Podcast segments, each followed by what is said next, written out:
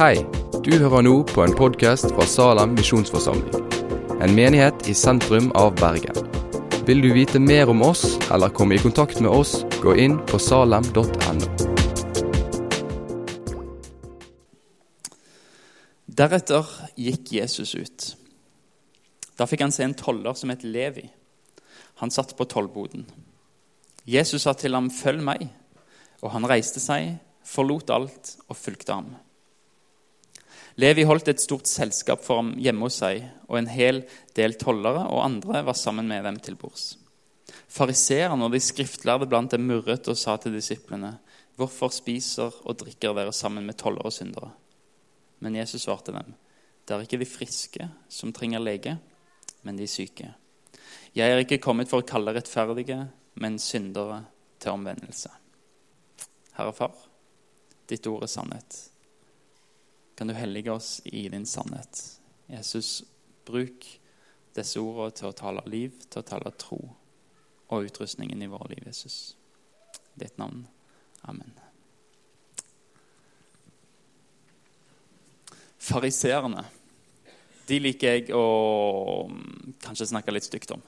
Jeg tror vi alle liker å snakke litt stygt om det. Jeg har hørt det i veldig mange andakter. Um, de var sjølrettferdige, og de var loviske, disse fariseerne. Og De har problemer med at Jesus velger å gå på en fest med en veldig, veldig, veldig dårlig gjesteliste. En lite respektabel gjesteliste. Tollerne de var utstøtte mennesker. De var, var overløpere. De jobba for romerne med å samle inn skatt for at romerne skulle få penger til å holde på okkupasjonen enda lenger og få makt og penger til å utvide sitt rike, og for at pumpen og prakten i Roma skulle få det de trengte av luksus. De var, tollerne var Israels fiender. De jobba jo for Israels fiender. Men, men, hvis de var Israels fiender, så var de òg Guds fiender. Tollerne var Guds forrædere.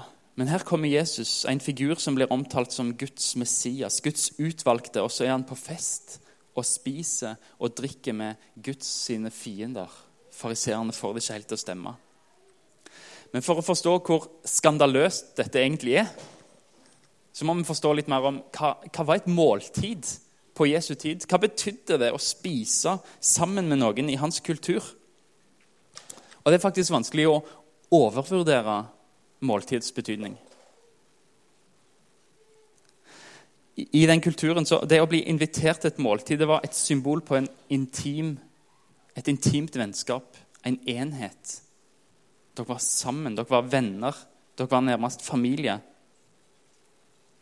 Det å svikte en som du hadde spist sammen med, det ble sett på som ytterst forkastelig.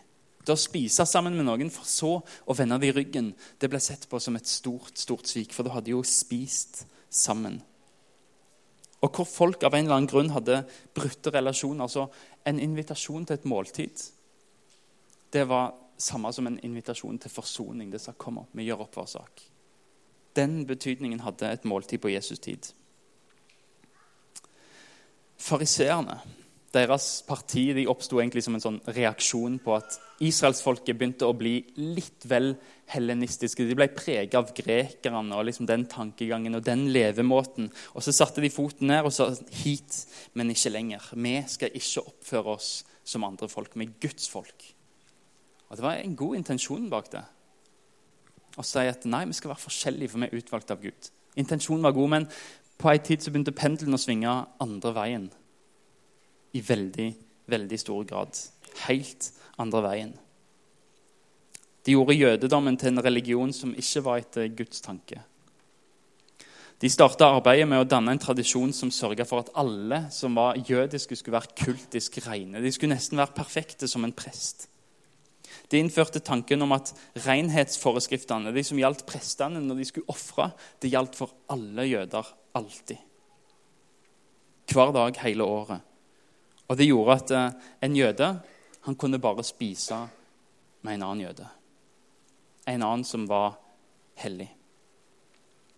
En annen som var vaska, som var rein, som hadde ofra, som hadde holdt alle buda de siste. Bare perfekte jøder, eller perfekte etter deres standard, at de var fasadeperfekte. Fariseerne skapte på den måten et skille i religion. De var blitt den religiøse eliten.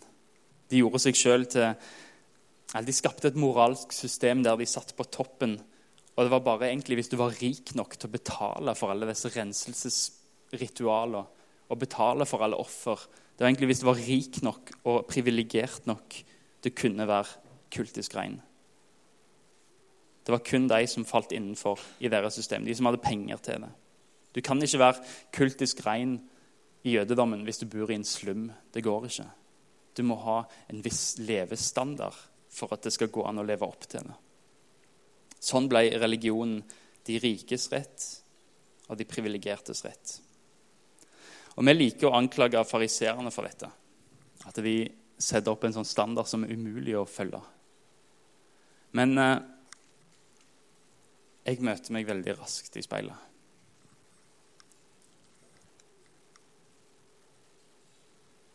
Og jeg tror mange gjør det.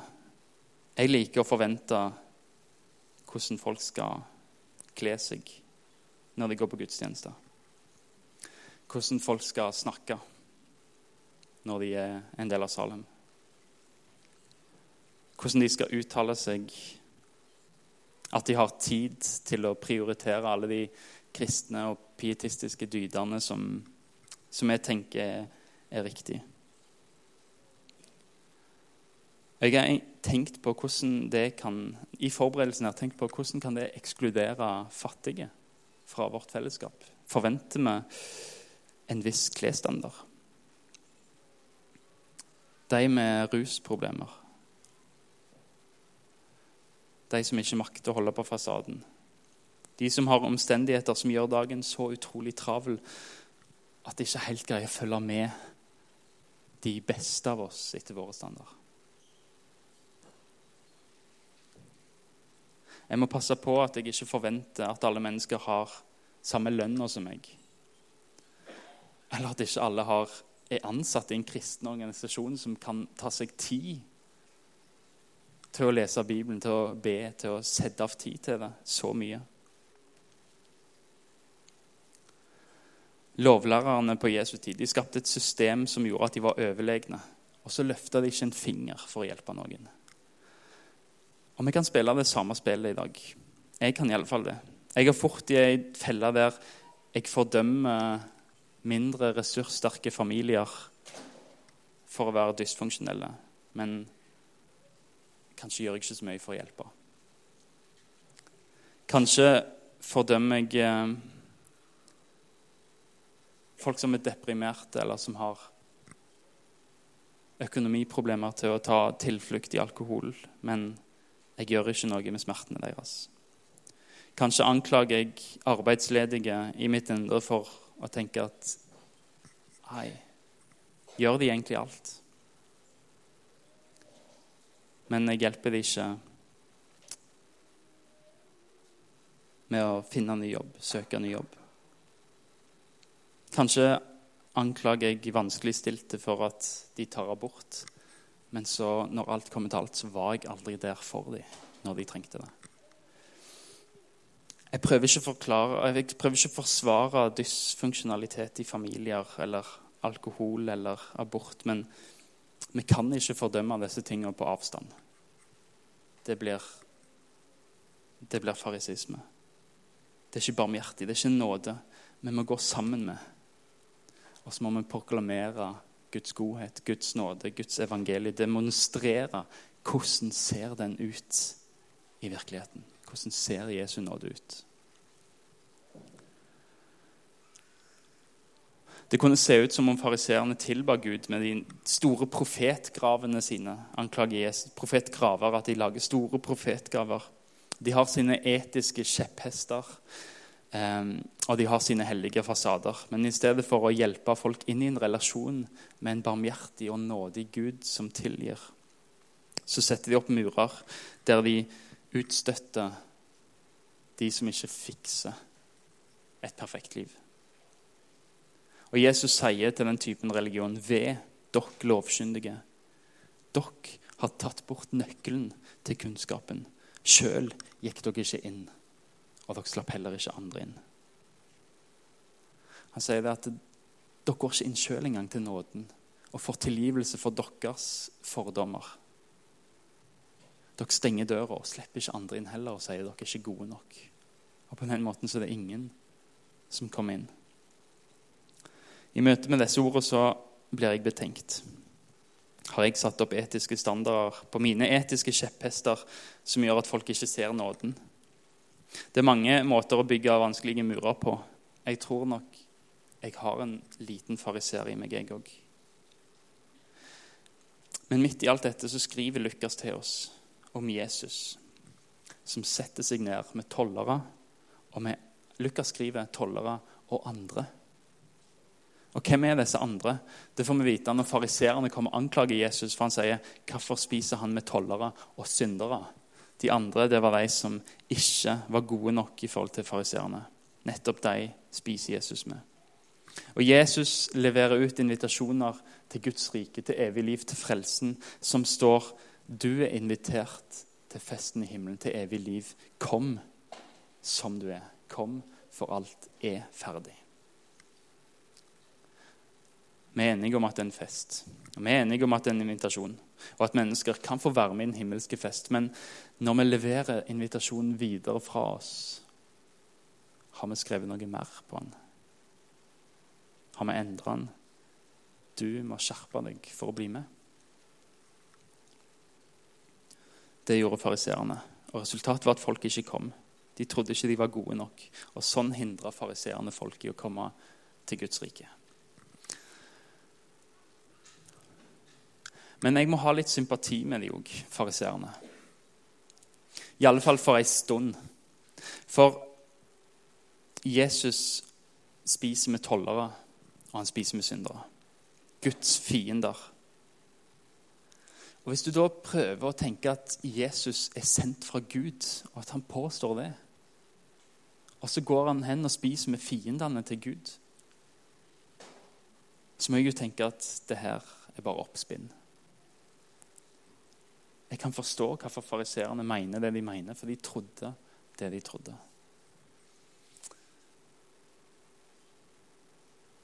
Guds, det Jesus sier, det må være oppspinn. Med mindre. Med mindre Gud gjør noe helt, helt nytt. Noe som ikke passer i den gamle religionen. Noe som ikke passer inn i det sjølrettferdige der vi skal prøve å bli best mulig, der vi skal bli perfekte, der vi skal skjerpe oss. Noe som ikke passer inn der. Med mindre Norge, Gud gjør noe som er så nådig og barmhjertig at eh, vi blir totalt overraska. Hvis vi ser litt på hva som skjer rundt dagens tekst Kontekst er alltid viktig i Bibelen. Hva som skjer før, hva som skjer etter det vi leser? I Lukas 5 så rører Jesus med en person som er spedalsk. En som er sjuk, urein og som måtte bo utenfor byen.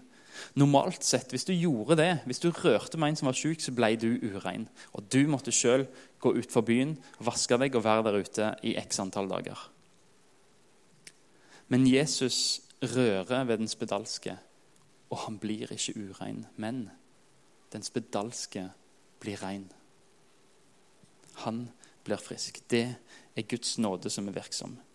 Guds nåde tar inn de utstøtte og kommer med en forvandlende kraft. Plutselig er det ikke urenheten som er smittsom lenger, men det er Guds hellighet som er smittsom når Han får røre ved oss.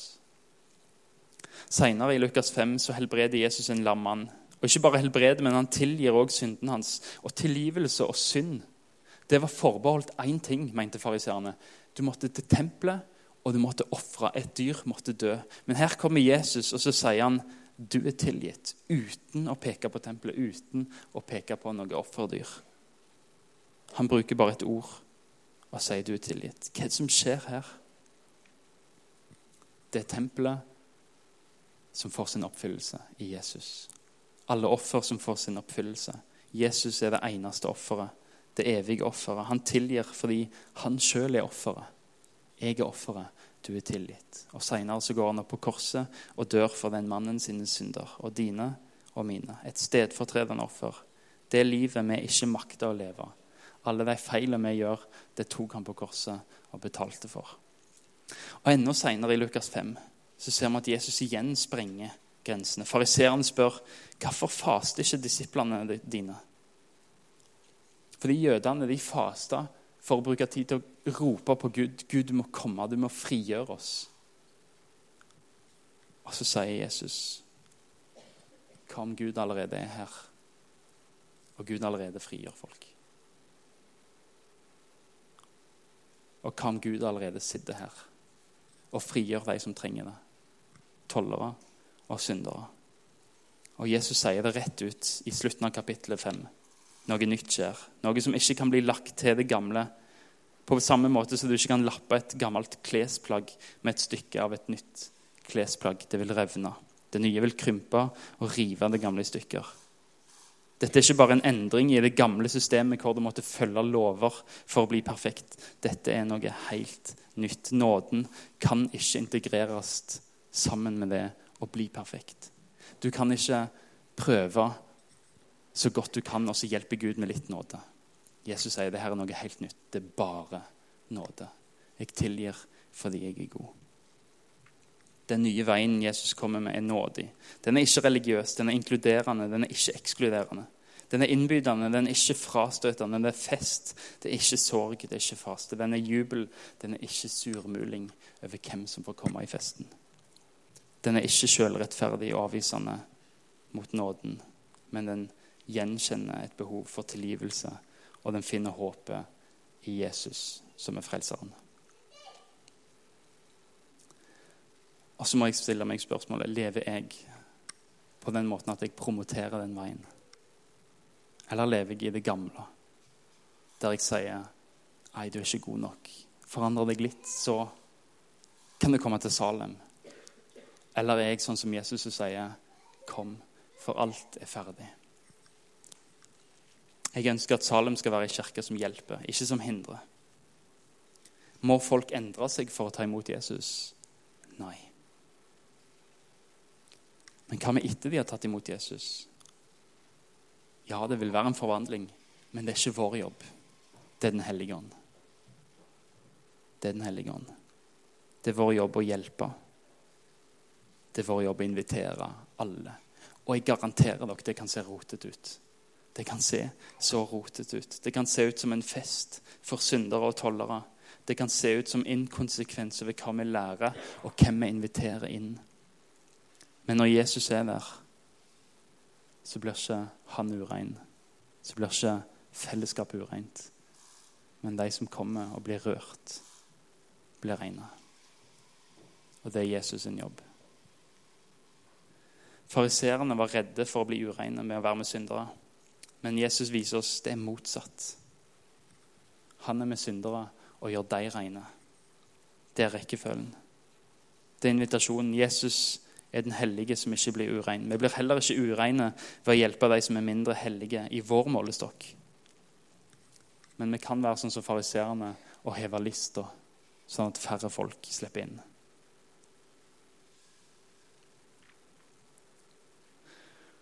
Det er ikke de friske som trenger lege, men de syke.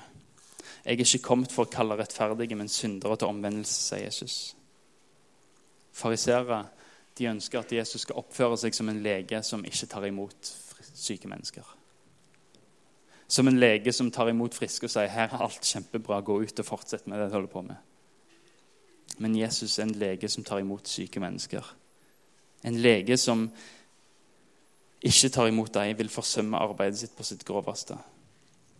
Jesus kan ikke annet enn å ta imot syke. Han må gjøre det for å gjøre jobben sin og frelse det som var fortapt. Sånn er det for oss som følger Jesus òg. Vi kan ikke gjøre vårt oppdrag. Vi kan ikke lede av syndere til Jesus med mindre vi bruker tid sammen med dem. Det gjør vi nå. Vi bruker tid sammen som syndere og peker på Jesus for hverandre. Men vi kan òg gjøre det utenfor Salem. De som unngår smittefaren, med å være sammen med syndere eller mindre privilegerte. De blir lik fariseerne. Og Kanskje ikke vi er redd for urenhet, men vi er redd for hva sier de andre kristne om meg når jeg er sammen med denne personen. Hva tror de om meg? Vi er mer redd for rykter. Vi er mer redd for vår egen menneskefrykt. Kan vi være som Jesus, han som var synderes venn? Og Når Jesus spiser med Levi, så er budskapet klart. Jesus kom for tapere. Han kom for marginaliserte mennesker, de som har rota til livet sitt, de som er vanlige mennesker. Jesus kom for meg. Og han vil frelse det som er fortapt. Det er nåde. Kanskje sitter du med en følelse av at jeg stempler deg som en fariseer. Jeg har måttet innrømme det i forberedelsen til talen her at jeg har de tendensene i meg til å fordømme. Men jeg har funnet trøst i én ting. Og det vil jeg gi til dere òg. Måltid de var viktige. De innbøy til enhet, til fellesskap, til forsoning. Og la det være sagt Jesus spiste òg med fariseeren. Jesus ville spise med dem òg. Det er flere eksempler der Jesus er på besøk hos fariseerne. Der han spiser sammen med dem, har fellesskap med dem fordi han ønsker å invitere dem inn til forsoning. Til at de kan se at de òg trenger tilgivelse for sin fordømmelse. For det de tenker, for deres tanker og handlinger. Jesus spiser med deg òg. Jesus har nåde for meg. Det er typisk Jesus å møte alle med nåde. Uansett. Det er vårt håp. Gud gjør ikke forskjell. Han ville de menneskene som jeg ikke ville valgt. De velger han. Han inviterer alle til sin fest. Han inviterer de som etter vår målestokk er best, de som etter vår målestokk er verst, de høyeste og de laveste. Han inviterer deg. Helt til slutt så vil jeg bare bruke slutten av talen til en oppmuntring. Um, jeg har lyst til å snakke litt om, for jeg, har brukt litt tid på dette i sommer og visste at søndagens tekst handler om et måltid, så har jeg brukt litt tid på det i sommer og lese om nettopp det. Jeg har lyst til å snakke om en praktisk måte å drive misjon på. En måte som heter, tror jeg Jesu mønster, og som passer inn i dagens tekst. Hvordan ville du fullført setningen 'Menneskesønnen'? Det Jesus, menneskesønnen, kom til jord for prikk, prikk, prikk. Hvordan ville du fullført den setningen? Kanskje ville jeg fullført 'Menneskesønnen kom og forkynte evangeliet'. 'Menneskesønnen kom for å opprette Guds rike'. 'Menneskesønnen kom for å dø på et kors for våre synder'. Han kom for å helbrede syke. Nytestamentet har den setningen tre ganger. Menneskesønnen kom for prikk, prikk, prikk. Første gangen så står det i Lukas, eh, nei, Markus 10.: Menneskesønnen kom ikke for å la seg tjene, men for selv å tjene og gi sitt liv som løsepenge for mange. Det sier noe om, om, hva Jesus gjorde. Han kom for å gi sitt liv som løsepenge. Andre gangen så er det Lukas som skriver menneskesønnen er kommet for å lete etter de bortkomne og berge dem.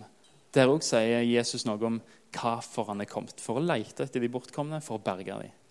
Men så er det én setning i Lukas 7 som sier noe om hva måte Jesus gjorde dette på. Hvordan kom menneskesønnen? På hva måte gjorde han dette? Hva var strategien? Ikke hele, men hva var litt av han? Der står det 'Menneskesønnen er kommet'. Han spiser og drikker. Og dere sier, 'Se for en storheter og vineter, venn med tollere og syndere'. Disse tre ordene sier noe om hvorfor Jesus kom. For å tjene, for å gi sitt liv som løsepenge, for å berge de bortkomne. Men det sier òg hvordan gjorde Jesus dette. Hvordan hadde han tenkt å gjøre det? En av måtene han kom, han åt, han spiste. Jesus brukte så mye tid på måltider at fiendene hans så det og anklaget han seg. Han er en storheter, han er en vindrikker. Det var ryktet Jesus hadde. Han åt så mye, han drakk så mye. Jeg tror hans misjonsstrategi var et langt måltid som strakte seg langt utover kvelden. Han evangeliserte rundt bordet. Han gjorde disipler over grilla fisk, over et stykke brød, over en karaffel med vin. Der har du Jesus. i de sene nattetimer. Sitter og prater. Og hele Lukasevangeliet er faktisk fullt av måltider. Jeg teller Jesus spiser ni ganger, og ni andre ganger snakker han om å spise. Han er helt opptatt av det. Spise, spise, spise. Og En kommentator sier faktisk i Lukasevangeliet Han skrev en kommentar til Lukasevangeliet, så sier han i Lukasevangeliet så er Jesus enten på vei til et måltid, han er i et måltid, eller på vei fra et måltid. Da har du hele Lukasevangeliet. Han spiser hele tida. Det er stort sett mat gjennom hele Lukas. Og det er til og med sånn at han sier disiplene når dere skal minnes meg, hvordan skal dere gjøre det? Med et måltid. For disiplene visste vi har spist mye med Jesus. Og når vi skal tenke på han, så spiser vi, for da minnes vi han. Dere skal minnes meg med nattverdsmåltidet. Jeg tror måltidet er viktig for Jesus. Fordi de symboliserer en invitasjon. De symboliserer forsoning, vennskap med syndere. I hans virke var måltider den synlige nåden. Han satte seg ned med de minst privilegerte. Han satte seg ned med de øverste i samfunnet. Han satte seg ned med alle, for han ønsket at alle skulle få vennskapet hans. Måltider er den synlige nåden synlig fellesskap. Og er hans måte å nå inn til folk på og invitere dem. Jeg vil ikke redusere misjon og evangelisering til måltid. Men jeg mener det er en viktig del av vår hverdag som kristne. De legemliggjør fellesskap, og de legemliggjør invitasjon. Vi kan gjøre fellesskap og misjon til noe viktig og veldig vanskelig, som hører ekspertene til, som hører misjologene til, de som har peiling, de som har en karismatisk personlighet, de som har en gave til å snakke med folk og tenke at de fikser det der. Og Noen vil legge evangelisering utenfor rekkevidden vår, som at nei, vi er ikke gode nok til å drive på med det der. Men Jesus kom, han åt, og han drakk. Det er hans misjologi. Det er ikke vanskelig, eller det er ikke alltid lett heller å slippe folk inn i sin private lille komfortsone hjemme, men det er ikke vanskelig heller. Hvis du deler ett måltid eller tre i uka sammen med noen, og du har lidenskap for Jesus, så vil du kunne bruke måltidet til å drive misjon. Jesus gjorde det, og du kan òg. Og jeg vil oppmuntre deg på en veldig konkret måte til å starte en vane der du tenker at du inviterer til to middagsbesøk eller to måltidsinvitasjoner i uka. Eller tenk måneden hvis det ikke passer i tidsplanen. Men, men alle spiser ca. tre måltid til dagen. Det er 21 i uka. Og du gjør det allerede. Du lager mat. Det er ikke så mye ekstra arbeid å invitere én eller flere. Inviter en gang noen som går i kirka di i Salem.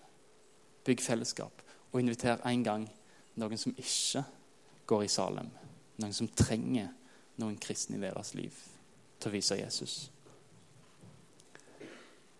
Middagsbordet eller kaffe eller lunsj eller kveldsbordet symboliserer gjestfrihet, innbydelse, sjenerøsitet og nåde. Invitasjonen til å dele et måltid er veldig meningsfull i alle kulturer i verden. Og det gjør at til og med de som nylig har kommet til ditt nabolag, som ikke har bodd i Norge hele livet sitt, de vil også sette pris på en invitasjon til måltid. Og Jeg oppmuntrer deg til å bruke det som en misjonal strategi for å nå dine naboer og dine kolleger, dine venner.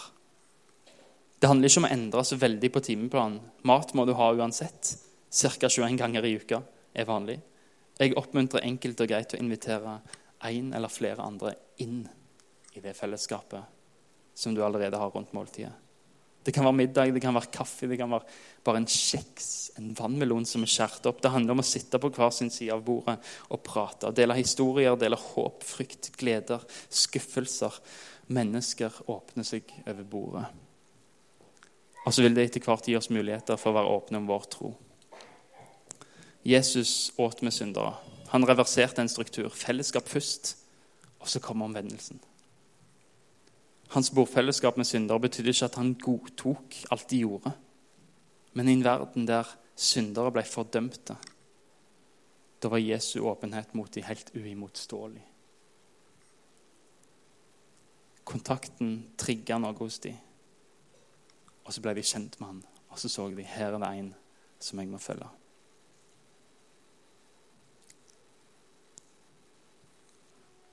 Fellesskap først, og se hva som flyter ut av det, skal vi be. Herre Far. Takk for at du har vist oss én måte vi kan nå ut til folk på. Med at du inviterte til bords.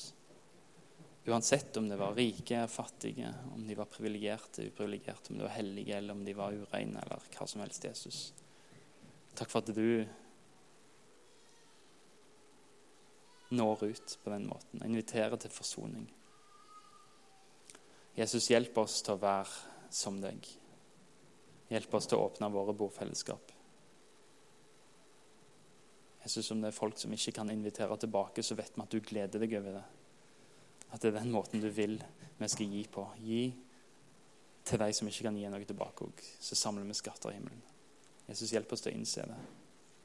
Skap i oss frimodighet, Jesus, til å invitere. Så vil jeg takke for at du møter hver enkelt med nåde. Selv om vi ikke er perfekte nok følge til menneskestandarder, Jesus. At vi ikke når opp, så vil du ha noe med oss å gjøre. Du vil ha bordfellesskap med oss. Og når vi er fariseere, Jesus, som, som, stenger folk ute fra ditt rike, så, så inviterer du oss òg og vil spise med oss òg. Takk, Jesus, for at det er nåde. At vi skal få komme uten en vertskapsgave, uten å i hendene våre bare helt tomme hender og få sette oss ned med deg og få det du gir oss av nåde og tilgivelse, evig liv og frelse. Takk, Jesus. Amen.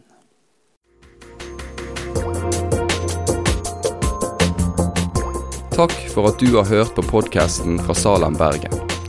I Salem vil vi vokse i et stadig dypere fellesskap med Gud og med hverandre. Vi vil være Jesu hender og føtter, og vi vil være med og forkynne frelse for Bergen og resten av verden. Besøk oss gjerne på salam.no om du vil vite mer.